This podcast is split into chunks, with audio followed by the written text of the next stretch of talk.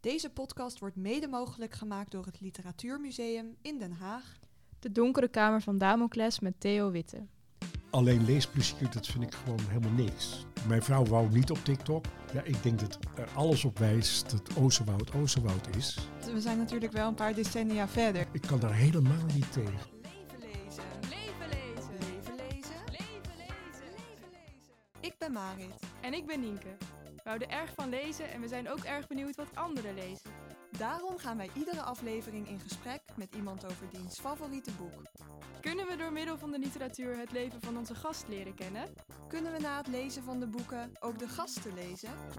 Nienke, ik heb een vraag. Wat lezen we vandaag? Dat moet je vragen aan onze gast. Wat koos die uit de boekenkast? Jean-Paul Sartre of Saskia Noord? Of hebben we er nog nooit van gehoord?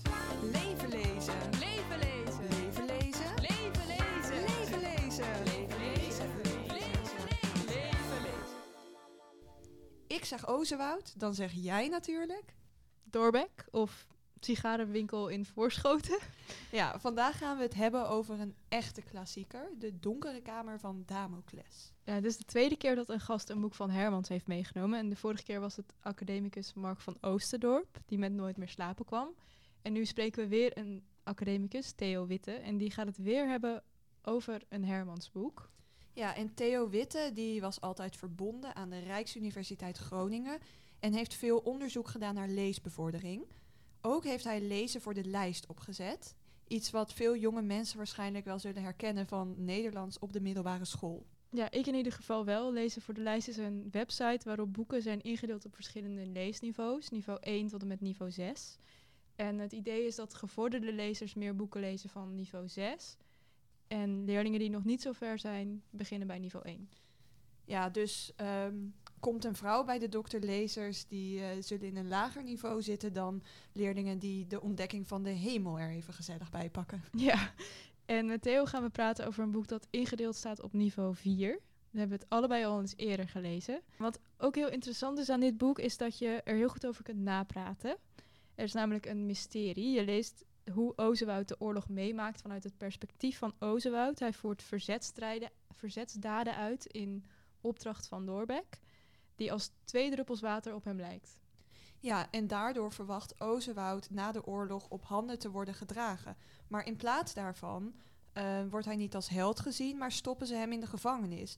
En blijkt hij heel veel mensen ook van de goede kant te hebben omgebracht in opdracht van Doorbeck. Ja, en best ingewikkeld, want Doorbeck blijkt na de oorlog onvindbaar te zijn. Waardoor het idee bestaat dat Doorbeck een verzinsel is van Ozenwoud. En dat hij in plaats van een dubbelganger eigenlijk Doorbeck zelf is.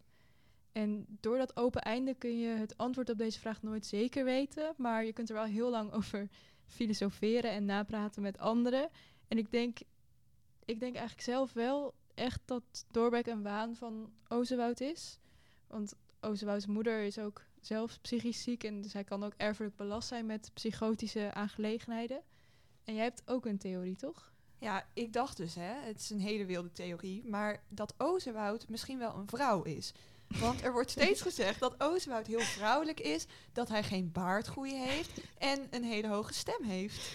En op een gegeven moment vermomt Ozenwoud zich als verpleegster.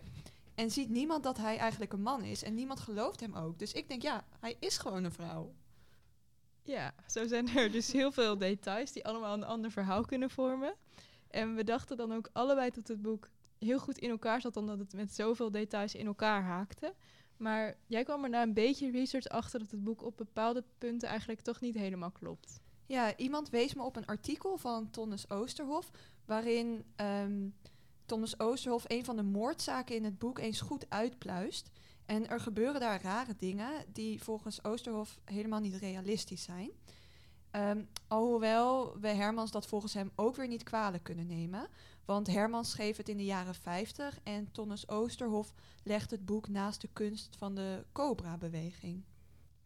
Ja, en hij schrijft dan, dan pak ik het artikel er even bij. Maar, eh, ja. Maar om dat Hermans kwalijk te nemen zou even onzinnig zijn als Lucebert verwijten dat in zijn nasobem het perspectief niet juist is of dat er te veel ogen in het gezicht zitten. Ja, het is een heel interessant artikel voor de uitpluizers onder ons. We zetten de link van het artikel even in de show notes. Ja, en Theo heeft zelf in ieder geval ook de nodige theorieën en gedachten over het boek. Dus daar gaan we. Leven lezen. Leven lezen. Leven lezen. Leven lezen. Leven lezen.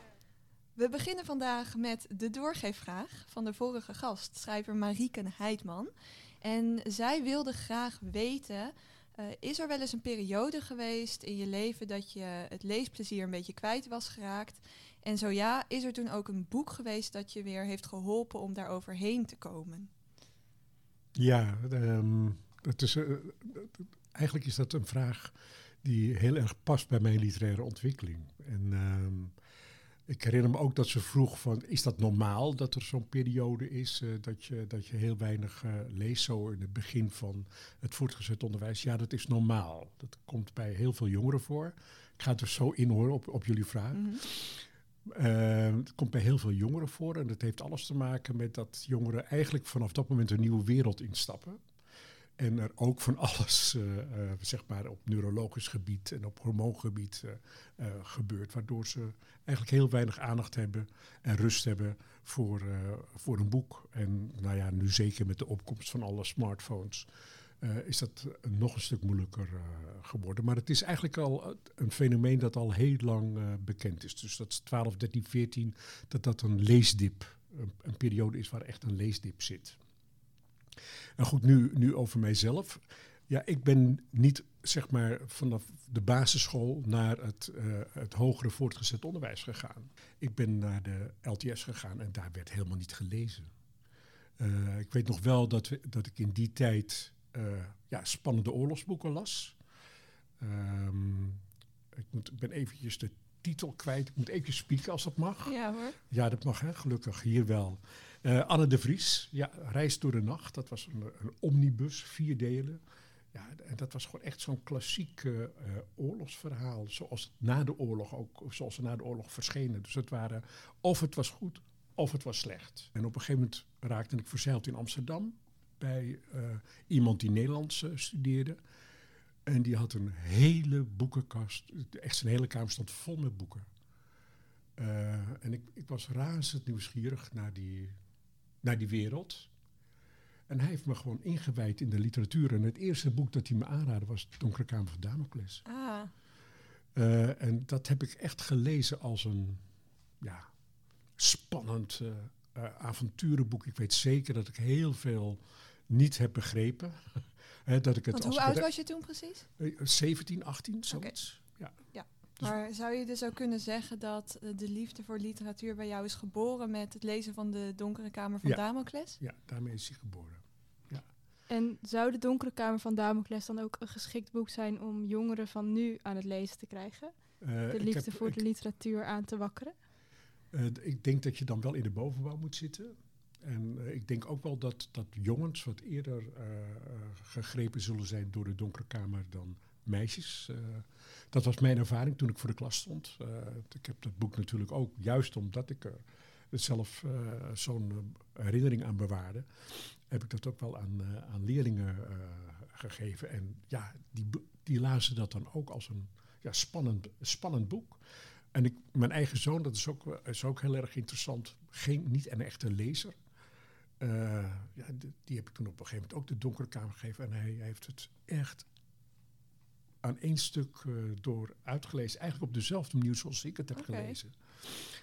En wel, welke periode praten we nu over dat je voor de klas stond en je dit aan leerlingen aanraden? Dat was uh, in de jaren, moet ik even goed nadenken, jaren tachtig. Want we zijn natuurlijk wel een paar decennia verder. We zijn dus een paar is, decennia dat, verder. is ja. dat nu nog steeds geschikt volgens jou?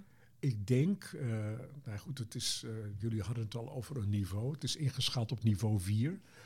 Kijk, je, je hebt wel wat voorkennis nodig voor, uh, om dit boek tot zijn recht te laten komen. Maar juist doordat het dat hele dubbelgangersmotief en dat je ook het gevoel krijgt van dit is wel iemand die ja, waarschijnlijk een verzetsheld is. Ehm, ja, die, en die liquidaties die erin zitten. En ja, ik denk dat het nog steeds wel uh, jongens raakt. Maar nogmaals, uh, ik denk wel dat je de nodige voorkennis moet hebben over de Tweede Wereldoorlog. Ik had die voorkennis. Hè, dat was uh, al, althans tot op zekere hoogte. Want Maar jongens in de bovenbouw hebben die kennis ook, denk ik. Eh, wat meer, ook al, ook al denk ik omdat, ehm, ja, kijk, wat is, wat is voorkennis? Voorkennis is natuurlijk ook dat je allerlei films hebt gezien. En, eh, dus dat je een beetje weet van hoe dat zit met spionage. Dat je een, een idee hebt dat ze toen nog geen mobiele telefoons hadden. Hè, dus dat het echt een heel totaal andere wereld is waar, waar je in zit. Ik denk dat dat, ja, in de, in de, ik denk het is niveau 4. Ik denk dat je in, in 5 VWO daar wel mee uit de voeten kan.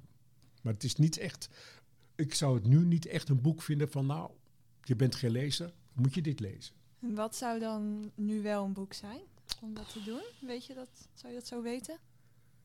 Nou, de, kijk, dat is, de, eh, daar is niet echt een algemeen antwoord op te geven. Hè, want het is toch echt afhankelijk van, kijk, als het iemand is die niet van lezen houdt, die eigenlijk ook nog niet, zeg maar, ontdekt heeft dat het gewoon ook een echt een hele interessante eh, en aangename bezigheid kan zijn. Ja, dan moet je weten eh, wat hij aan kan, hè, wat hij wat gewoon gewend is. En dan moet je ook weten wat hij interessant vindt.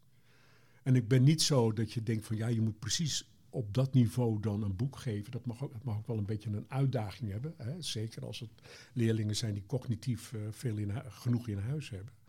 Maar het vraagt toch om eh, ja, wat meer overleg. Hè? Dus ik zou altijd zo iemand vragen van eh, ja, maar hoe zit het dan? En toen ik, hè, dus wat interesseert jou enzovoort.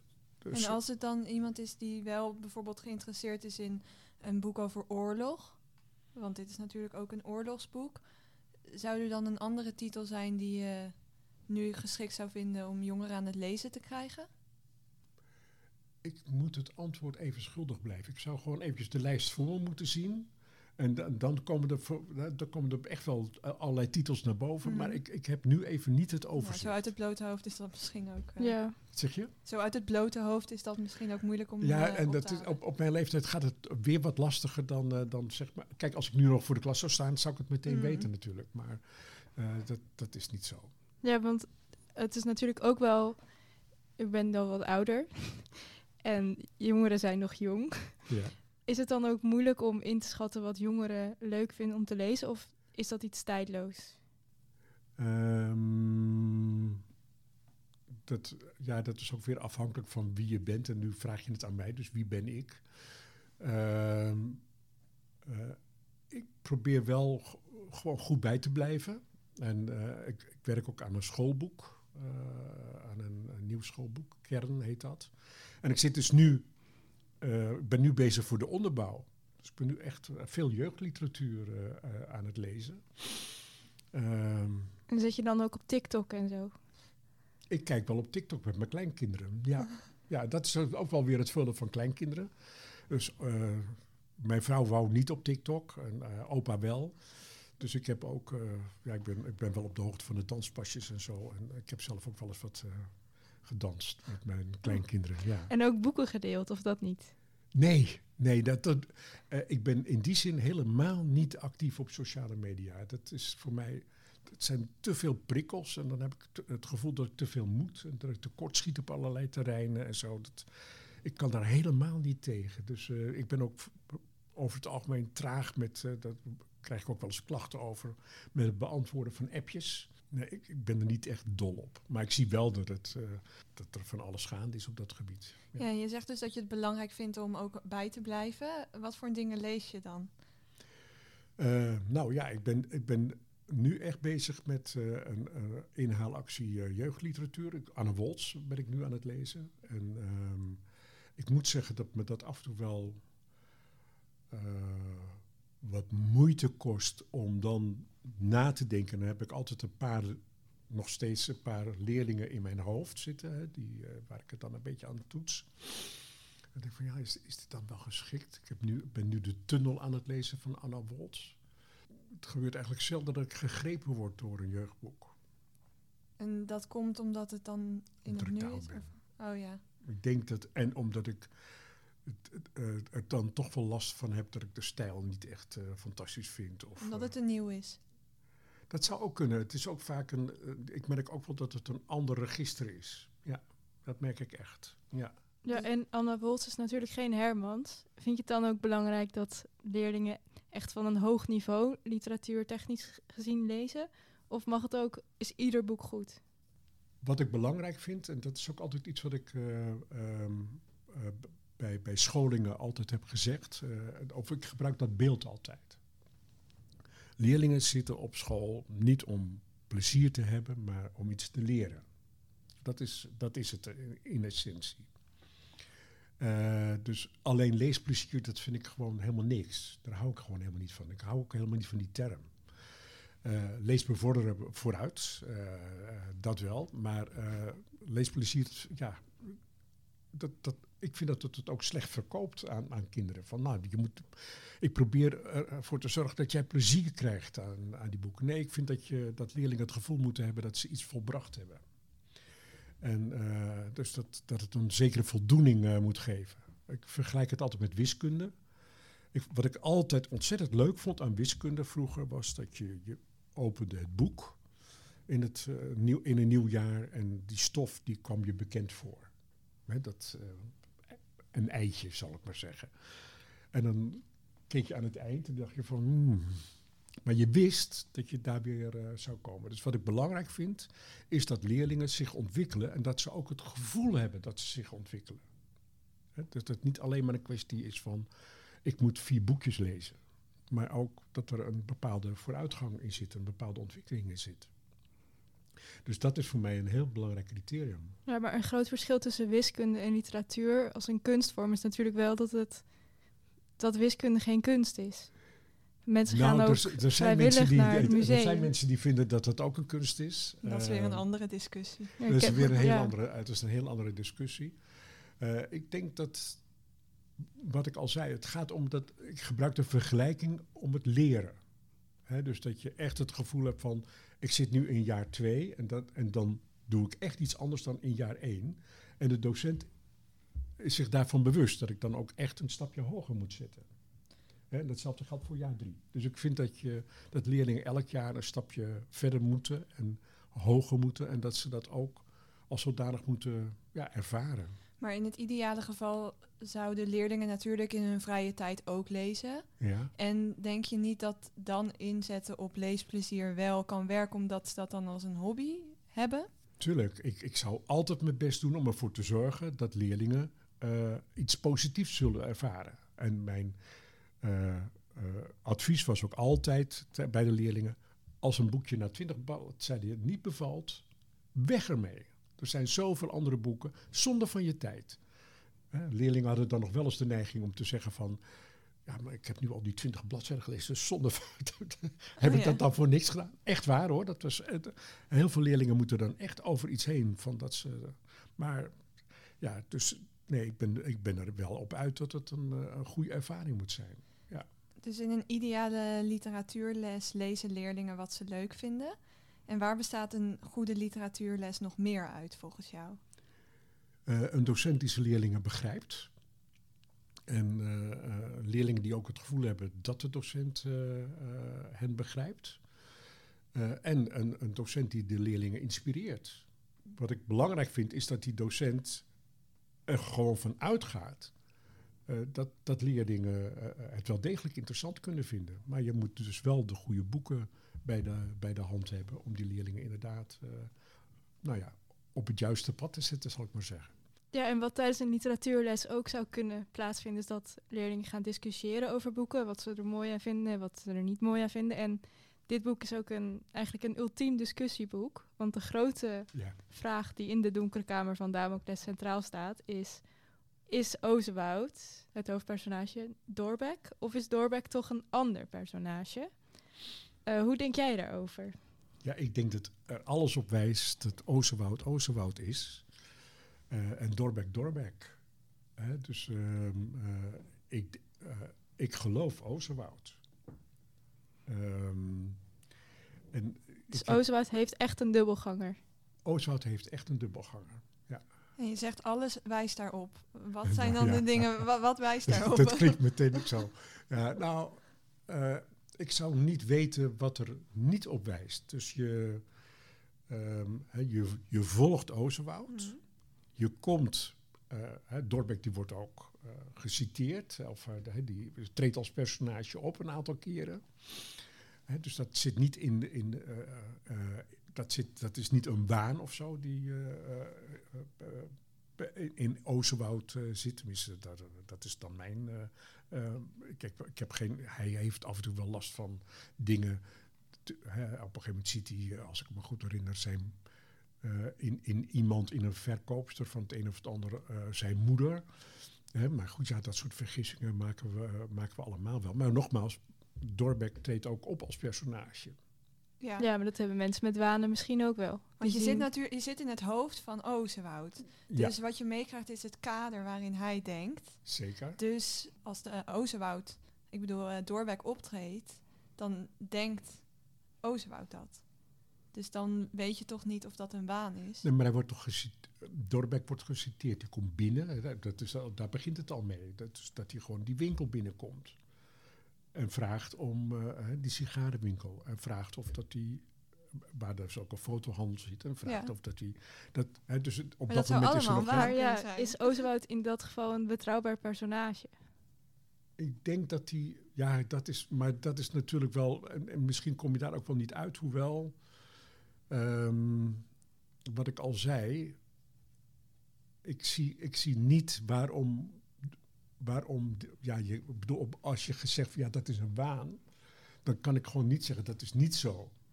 Nou ja, er zijn de andere personages die hebben allemaal nog nooit Doorbeck gezien. Of ze zijn dood. Nou, dat is niet waar, want Roorda heeft Dorbeck gezien, maar die denkt dat het Oosterwoud is. Hè, dus het, eh, Dorbeck die, die, die komt op plekken waar Oosterwoud niet is geweest.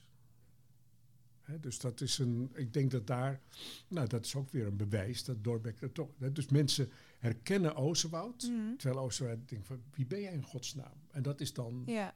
hè, dus dat is, dat, daar, dus daar ligt ook wel een bewijslast zou ik willen zeggen, ja ik denk ook wel dat het een interessant discussiepunt is eh, in dit verband. Van soms denk je dat je het goede doet, maar dat kan juist het, eh, het, het, het slechte zijn. Hè? En soms weet je ook niet of dat je eh, nou ja, door vrienden bijvoorbeeld of vriendinnen eh, gemanipuleerd wordt of ja. voor een bepaald karretje wordt gespannen. Hè? Dus dat zit ook wel, er zitten ook allerlei zeg maar, die elementen in die, die, waar jongeren ook mee te- Ja. te maken krijgen. ja, iets wat daaraan raakt is misschien ook wel of je ten alle tijde verantwoordelijk bent voor je eigen daden. Mhm. Of dat er iets kan zijn waardoor je eigenlijk daar niet meer verantwoordelijk Ja. voor bent. Nou, dat is een hele interessante vraag in dit verband. En hoe denk je daarover? Ja, je bent Hele diepe zucht. Nee, nee, maar in de aanslag speelt dat ook, hè, dit thema. En, eh, en daar wordt op een gegeven moment gezegd van ja, je bent verantwoordelijk voor datgene wat je doet. Dus als je iemand doodmaakt, dan maak je iemand dood. Mhm. En ehm, ook al heeft dat een bepaalde bedoeling. Ook al heb je daar een bepaalde. Maar je doet het wel. Jij bent verantwoordelijk voor die dood. Dus ik denk dat, om het maar eens ja, heel plat te zeggen, je bent verantwoordelijk voor wat je doet. En, en, maar het kan best zijn dat je, dat je, en ik denk dat dat ook vaak gebeurt, dat mensen eh, denken dat ze iets goeds doen, maar dat het gewoon eigenlijk helemaal niet goed is wat ze doen. Leven lezen. Leven lezen. Andere belangrijke thema's in dit boek zijn onkenbaarheid van de ander, onkenbaarheid van de wereld, onkenbaarheid van de waarheid dus. En in de wetenschap is het natuurlijk wel heel belangrijk om uiteindelijk zo dicht mogelijk bij de waarheid te komen. Staat dit boek dan ook volgens jou als academicus recht tegenover de wetenschap? Nee, juist helemaal niet. Het laat juist heel goed zien. Eigenlijk is dit, is dit een heel wetenschappelijk werk. En het zit dan wel in een filosofisch kader. Maar het geeft heel goed weer van, eh, dat je ontzettend uit moet kijken met te denken dat je de werkelijkheid eh, kent. Hè, want om het maar eens ook weer eens filosofisch te zeggen. hè, wij construeren de werkelijkheid. En we denken dat dat de werkelijkheid is. Hè, maar, maar het is wel een het is en blijft onze constructie. Wat we ook doen. Wiskunde is ook een constructie. Dat is gewoon een soort geheimtaal. Hè, dat we zelf hebben ontwikkeld waar we van alles mee mogelijk is. Eh, en waar we dus ook natuurkundige eh, berekeningen mee kunnen maken. Maar het, het zijn wel allemaal constructies van ons. En het kan best zijn dat we over 50 jaar tot een inzicht komen wat, wat echt alles op scherp stelt. Wat we tot dan toe dachten zeker te weten. Dus ik denk dat je dat altijd moet realiseren. Dat het allemaal heel betrekkelijk is. Dat geldt ook voor bijvoorbeeld, ik geef even iets aan. ehm, om weer even terug te keren naar die niveaus. Niet dat ik daar per se naartoe wil, maar, maar die discussie speelde daar ook. Je probeert dan toch een beetje met objectieve middelen een, een boek in te kaderen in een bepaald niveau. Van oké, misschien is dit dan een hoge vier of eh, een, een lage vijf. Hè. Er is natuurlijk altijd twijfel. De werkelijkheid is veel complexer dan die, dan die zes niveaus. Maar goed, je maakt, je maakt dus die inschatting. Maar over tien jaar zou je een hele andere eh, inschatting kunnen maken. Hè? Dan, eh, juist ook omdat de voorkennis Ja. die verondersteld wordt niet aanwezig is eh, of, of wat dan ook. ja, want de donkere kamer van Damocles is dus ingeschaald in niveau 4. Ja, Ik weet niet hoeveel jaar geleden dat is dat gebeurd. is, dat is, dat, ja, ik kan je daar wel iets over zeggen. Ik denk dat dat omstreeks 2005 is gebeurd. Dus ja, dat dus is al bijna antij- 20 jaar. ja. Ja. Zou je het nu nog steeds in niveau Nee, 4? ik denk, ik denk zelf, ehm, maar dat moet onder ons blijven. Eh, ik denk zelf dat ik hem eh, eerder in niveau 5 zou zetten. En kun je uitleggen waarom dan? Eh, om het boek tot zijn recht te laten komen. Hè, wat ik al, want dat is denk ik wel het, het unieke van dit boek, is dat je het inderdaad kunt lezen als een spannend oorlogsboek. Je identificeert je met die Oosterwoud. Hè, dus dan Het gaat razendsnel. dat gaat razendsnel. De, ja, alles volgt elkaar echt in razend tempo op. Het, het tempo is hoog, er gebeuren hele sensationele dingen. Hè, dus je wordt ook meegesleept eh, eh, in dat verhaal. Dus je kan het echt op niveau 2 lezen. Zoals ik het zelf ook eh, op dat niveau heb gelezen. Maar dat is wel tamelijk uniek hoor. Maar goed, tegelijkertijd gebeuren wel allerlei dingen waarvan je denkt van ja, het is zonde dat iemand van niveau 2 dit boek gaat lezen. Want daarmee doe je een boek geen recht. Hmm. Hè, dus eh, dan moet je even geduldig zijn en wachten van, nou ja, wacht maar eventjes tot je eh, genoeg bagage hebt Ook al om, kan om dit iemand ook uit- te doen. Ook al kan iemand van niveau 2, die op dat niveau zit, er wel heel veel plezier uithalen, zou je dus niet zeggen, Ja, lees het maar. nee, zou dit, zeggen, dit zijn gewetensvragen. Dit zijn gewetensvragen. Eh, als iemand het per se wil lezen, doen. En dan ga ik er niet zeggen, nou nee hoor, jij hebt nog niet niveau 4. Hè, want je moet toch wel minimaal niveau 4 hebben om een boek dat eigenlijk is ingedeeld op niveau 5 eh, te kunnen lezen. Het, eh, er zit ook een psychologische laag in, een filosofische laag in. Ik weet niet of dat je die eruit gaat halen. Zoiets. Ik zou hem wel een beetje op het spoor zetten van nou. eh, maar ik denk wel dat je heel veel plezier zal beleven aan dit boek, omdat het toch een heel spannend boek is. ja, want er staan ook heel veel niveau 6 boeken op die lijst. Ja. Komt een middelbare scholier dan ooit toe aan zo'n niveau 6 boek? De ontdekking van de hemel bijvoorbeeld, of Wormaand van Marike Heidman. Ja, eh, komen leerlingen daar naartoe? Kijk, nou, dat is ook wel weer een interessant voorbeeld. Ehm, ik stond op een gegeven moment, was ik in een bibliotheek. En daar hadden ze een, eh, eh, een niveaukast gemaakt. Niveau 1 stond onderaan en niveau 6 stond bovenaan. En dat was een bibliotheek, dat was, die was gekoppeld aan een school. Dus er kwamen leerlingen kwamen daar en ik zat daar. Die kast heette trouwens de Witte Kast. Dat vond ik ook wel opmerkelijk. Maar goed, eh, ik zat daar en ik zag gewoon gebeuren wat ik eigenlijk hoopte. Dus dat die leerlingen gaan kijken, wat is dat dan, dat niveau 6? En, dat, en ik zag ook die leerlingen rijken naar, eh, naar die niveau 6 boeken en ook kijken en daar met elkaar over praten. Nou, en dat vind ik eigenlijk al heel bevredigend. Dat ik denk van ja, er zullen dus ook leerlingen zijn die, en dat, ik, die zijn er, dat, is, dat weet ik zeker, die zich juist uitgedaagd voelen om te denken van ik wil, zo, ik wil op een academisch niveau lezen. Dat, eh, eh, die leerlingen heb je. Ja, nog even terug naar de donkere kamer Ja. van Damocles. Ehm, nou, er zit heel veel in en zoals Nienke al zei, gaat het allemaal razendsnel. En een van de passages eh, aan het eind van het boek, dat is ook een spannend stuk. Dan eh, gaat Ozewoud is op de vlucht en eh, hij vermomt zich als verpleegster. En hij Mhm. zit dan bij een chauffeur in de auto. Eh, en aan jou de vraag of je daar een stukje van zou willen voorlezen. Ja, Dat en de chauffeur is een dokter. Ziet u niets bijzonders aan mij? Wat ik u gezegd heb, zuster, ik moet u aanraden nu zo gauw mogelijk rust te nemen.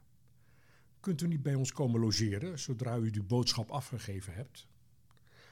Dat bedoel ik niet, dokter. Ziet u werkelijk niet wat ik bedoel? Ik zal het u maar ronduit zeggen. Ik ben geen verpleegster. Ik ben geen meisje. Ik ben een man. Ach, tja. Hm. Zo, zo. De dokter draaide zijn hoofd recht en bepaalde zijn aandacht weer volledig bij het chaufferen. Gelooft u mij? Gelooft u mij niet? Natuurlijk, zuster, ik geloof u. Natuurlijk, ik begrijp volkomen wat u bedoelt. Een do- dokter is alles tegelijk, ook psychiater. Maar kijkt u eens. U bent, als u het mij vraagt, aan het eind van uw krachten. U moet zo gauw mogelijk rust nemen, anders gaat u er onderdoor.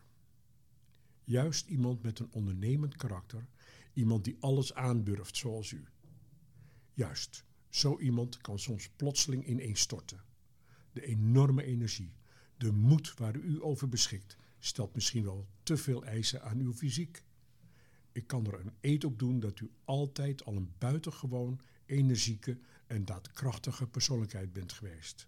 Het is best mogelijk dat u, psychisch gesproken, iets mannelijks heeft. Het lijkt mij toe dat u, toen u nog een klein meisje was, het liefst met jongens speelde. Ruwe spelletjes en zo, vechten. U heeft misschien wel eens gedacht, was ik maar een jongen. Juist dat soort onmogelijke wensen neemt in een tijd als deze, in een oorlog, als de hele wereld op zijn kop staat, niet zelden vaste vorm aan in mensen die normaal gesproken toch vo volledig volwassen zijn. Maar dat gaat over als men weer tot rust komt. Ja, er is nu van alles te doen over het aanpassen van boeken. Denk bijvoorbeeld aan de Roald Dahl discussie, Ja. waarin ja, woorden zijn veranderd en hele passages zijn verwijderd.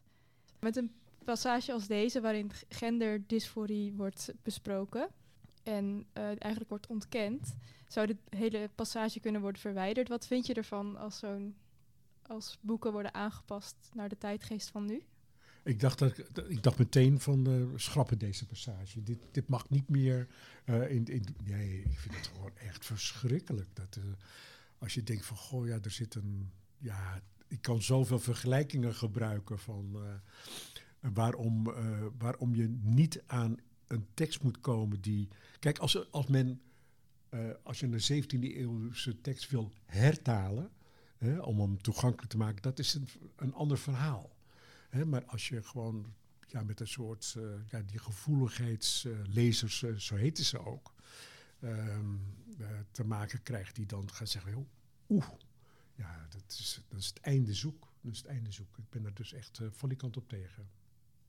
Maar stel dat een jongere zelf met dit probleem, speel, met dit probleem in zijn hoofd zit. Ja. Zou die, dan, uh, zou die zich dan beledigd kunnen voelen?